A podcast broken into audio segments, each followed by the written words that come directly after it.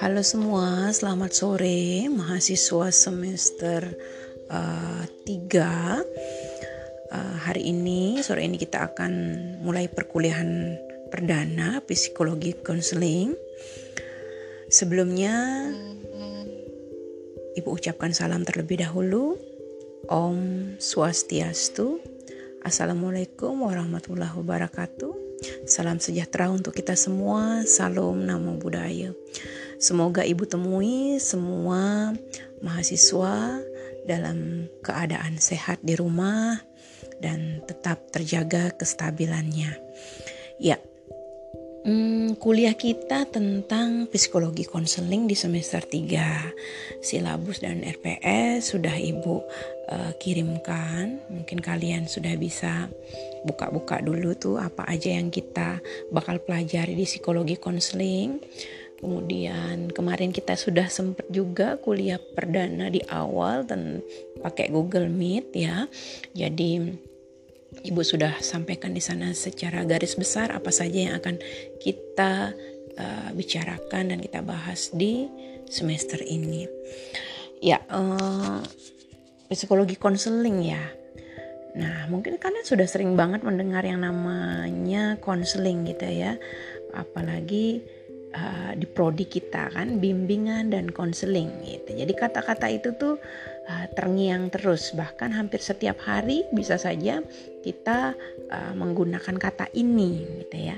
Tetapi sudahkah ada yang tahu gitu ya apa itu konseling gitu ya? Jadi konseling ini sebenarnya itu cabang ilmu ya, cabang ilmu dan praktek pemberian bantuan gitu ya pada individu itu memiliki pengertian yang spesifik. Nah, ya, karena kenapa? Secara khusus pun dapat dikatakan kalau konseling ini merupakan aplikasi dari psikologi. Ya, hal ini kan bisa dilihat terutama misalnya pada tujuan, teori yang digunakan, kemudian proses penyelenggaraannya itu sendiri itu banyak sekali base ilmunya memang dari psikologi ya. Tetapi apa itu konseling gitu jadi di di uh, materi ini kita akan membahas yang namanya definisi konseling pengertian konseling konsep dasar psikologi konseling gitu ya. Jadi konseling itu secara umum uh, secara umum bisa dikatakan itu adalah suatu hubungan ya yang bersifat membantu sifatnya konseling itu Kenapa dibilang uh, membantu? Karena di sana ada interaksi antara konselor dan konseli dalam suatu kondisi uh, yang membuat konselinya itu men, uh, merasa terbantu dalam mencapai perubahan gitu ya. Dan belajar dia membuat keputusan sendiri serta bertanggung jawab atas keputusan yang dia ambil gitu ya.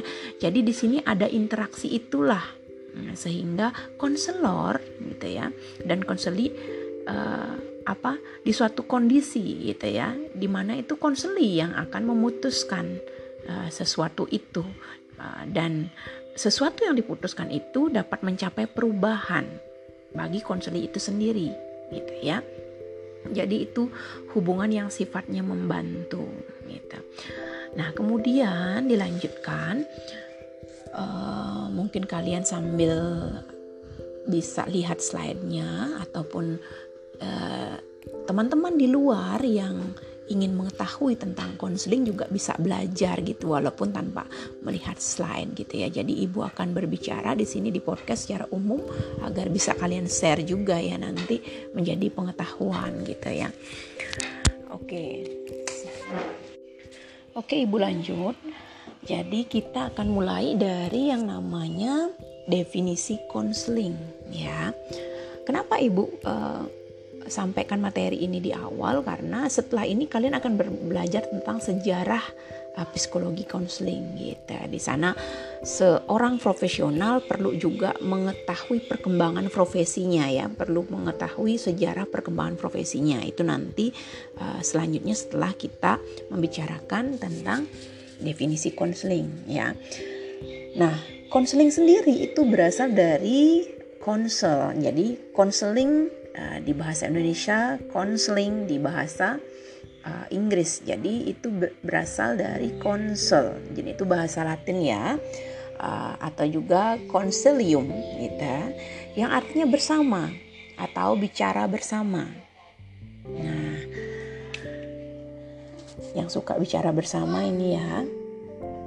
Kemudian pembicaraan antara konselor dengan seseorang atau beberapa klien. Nah, jadi pembicaraan antara konselor kita yang membantu konselor. Kemudian seseorang atau beberapa klien itu konseli. Ya. Jadi secara umum uh, secara garis besar definisi konseling berasal dari kata bahasa Latin yang artinya bicara bersama ya berasal dari bahasa Latin counsel atau consilium. Nah, itu pertama. Nah, tetapi definisi konseling ini kan beragam banget karena banyak sekali ahli yang uh, terjun di dunia konseling seperti itu. Sehingga uh, Ibu sini akan menjabarkan pengertian konseling dari beberapa ahli ya. Kita mulai saja deh dari hmm, ahlinya psikologi humanistik. Ada Carl Rogers di sini ya. Nah, kalau menurut Rogers sendiri, konseling adalah hubungan terapi dengan klien gitu ya yang bertujuan untuk melakukan perubahan diri pada pihak klien. Jadi ini ada hubungan terapi bertujuan untuk perubahan diri. Nah, kalau di Roger sendiri itu konseling menekankan pada perubahan sistem self client sebagai tujuan konseling. Jadi tujuan konseling dari psikologi humanistik yang ahlinya adalah Rogers gitu ya, itu lebih menekankan pada perubahan sistem self diri klien itu sendiri. Seperti itu. Kemudian Nah, sampai sini paham dulu ya. Kemudian ada ahli lain lagi. Yuk kita lihat lagi siapa. Uh, Pepinski. Nah, Pepinski and Pepinski gitu ya. Kalian bisa searching siapa dia gitu ya.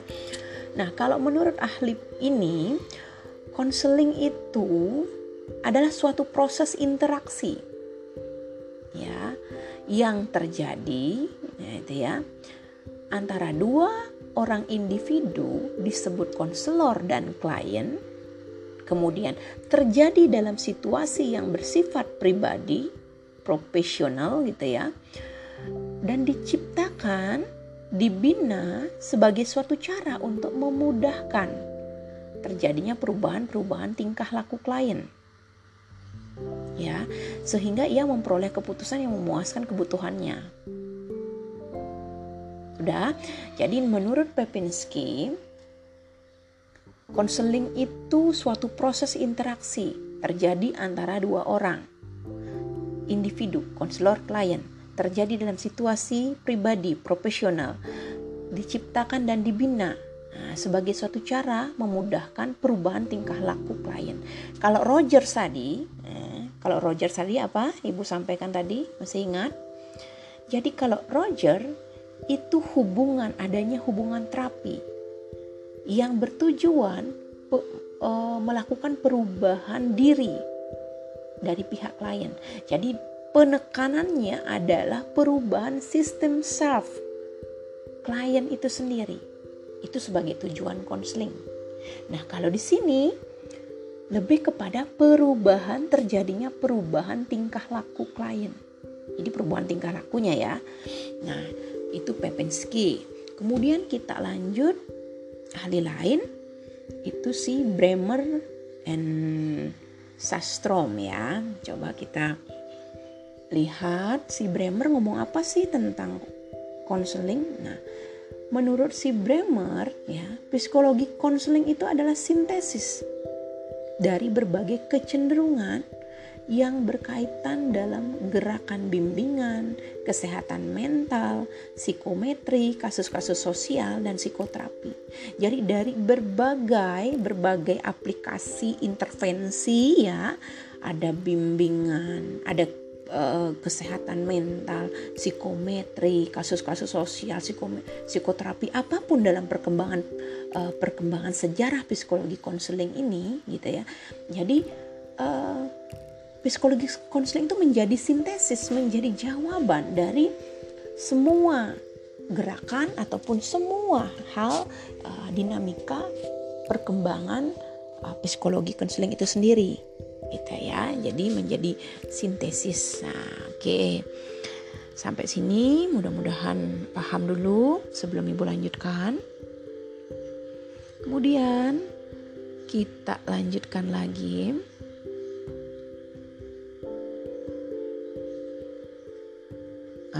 kepada pengertian yang lain ya, pengertian psikologi konseling yang lain. Di sini uh, ada pengertian dari American School Counseling Association. Jadi jadi disingkat ASCA ya. Menurut mereka, konseling uh, adalah hubungan tatap muka yang bersifat rahasia. Ya, pastinya ya, karena yang namanya konseling selalu ada etika profesi di sana. Tentunya sangat rahasia kemudian penuh dengan sikap penerimaan dan pemberian kesempatan dari konselor kepada klien. Pastinya kita sebagai konselor penuh dengan sikap penerimaan. Ya. Kemudian konselor menggunakan pengetahuannya itu untuk membantu klien mengatasi masalah-masalahnya tentunya ya. Karena ini pengertian secara umum, secara umum dari ASKA itu. Jadi lebih kepada uh, tatap muka yang bersifat rahasia. Oke, kita coba lagi di ahli yang lain si Glenn.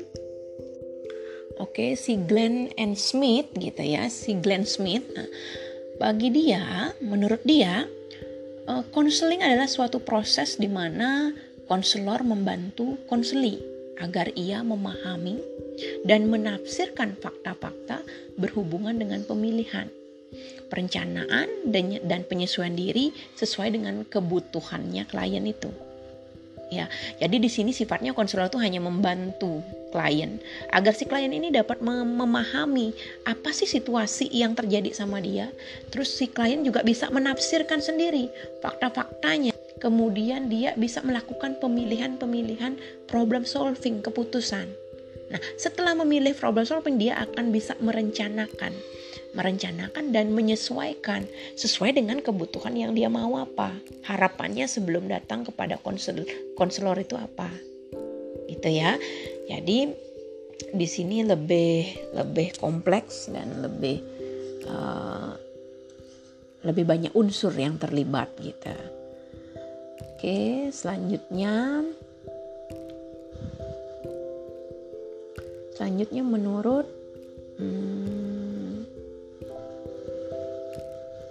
Sofian and Willis ya. Oke, menurut Sofian dan Willis gitu ya. Konseling itu adalah suatu hubungan juga.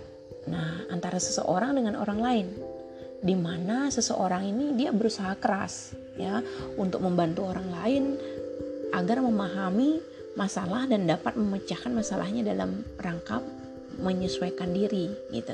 Jadi kalau di Sofian ini konseling ya udah e, tidak terbatas pada konselor dan klien ya. Jadi hubungan antara seseorang dengan orang lain itu konseling juga gitu ya. Di mana pada saat melakukan konseling ini seseorang ini berusaha keras untuk membantu agar gitu orang yang satunya itu memahami masalahnya dan bisa memecahkan masalah yang dia hadapi gitu. Itu sudah disebut konseling menurut si Sofian Willis gitu ya. Sama halnya misalnya seseorang ngobrol ke kita, curhat ke kita gitu loh. Kita nih berusaha keras memahami masalahnya dia, berusaha keras berempati dan berusaha, berusaha keras untuk membantu dia agar dia tuh paham sama masalahnya. Uh, kita itu biar paham terhadap masalah teman yang curhat ke kita. Nah, sampai akhirnya si teman itu bisa memutuskan sendiri oh saya sebaiknya harus kayak gini dong berarti ya gitu. Ah lega deh udah cerita ke kamu bla bla bla. Nah itu juga proses konseling gitu ya menurut Sofian Bilis gitu ya. Jadi ada hal-hal di mana konseling dalam arti secara pribadi pun gitu seperti curhat gitu ya yang biasa itu pun bisa dikatakan konseling gitu nah jadi konseling adalah apa tuh dari semua tadi ahli Bu sudah bicara. Konseling adalah proses interaksi ya antara kita simpulkan ini semua ya karena itu kan ibu ambil dari beberapa ahli-ahli kemudian ibu tampilkan beberapa saja walaupun banyak masih banyak ahli uh, dalam perkembangan psikologi konseling ini nah setelah disimpulkan apa ini konseling itu adalah apa? Proses interaksi antara konseli dan konselor di mana konselor memberikan bantuan gitu ya kepada konseli yang sedang mengalami suatu masalah. Melalui wawancara konseling dan diharapkan dapat teratasinya masalah yang dialami oleh si konselis itu gitu. Jadi proses interaksi, ada proses interaksi konseli dan konselor gitu ya.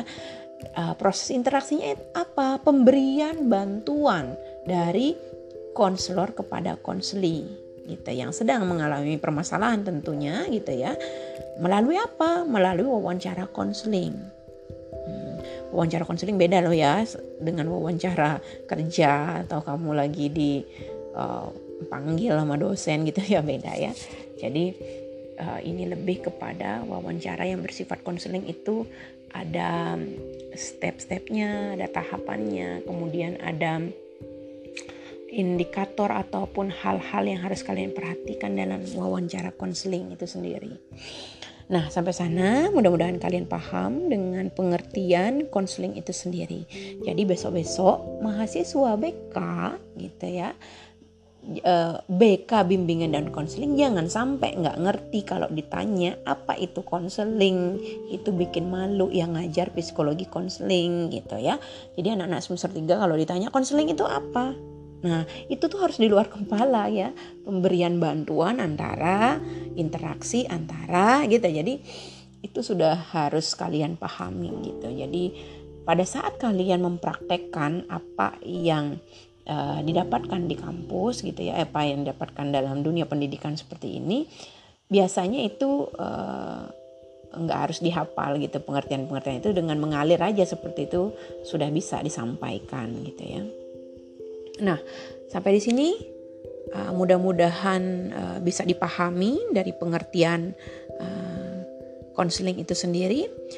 Sebelum nanti ibu lanjutkan kepada uh, bagaimana sih perbedaan guidance, konseling dan psikoterapi gitu. Jadi perbedaan uh, ketiga hal ini karena guidance itu lebih kepada bimbingan, konseling, psikoterapi gitu kan uh, beda ranah, beda pengertian juga kemudian esensi dan unsur di dalamnya itu seperti apa gitu ya. Mudah-mudahan bisa dipahami uh, kuliahnya nanti Ibu akan share tata cara kuliah melalui podcast podcast ini ya.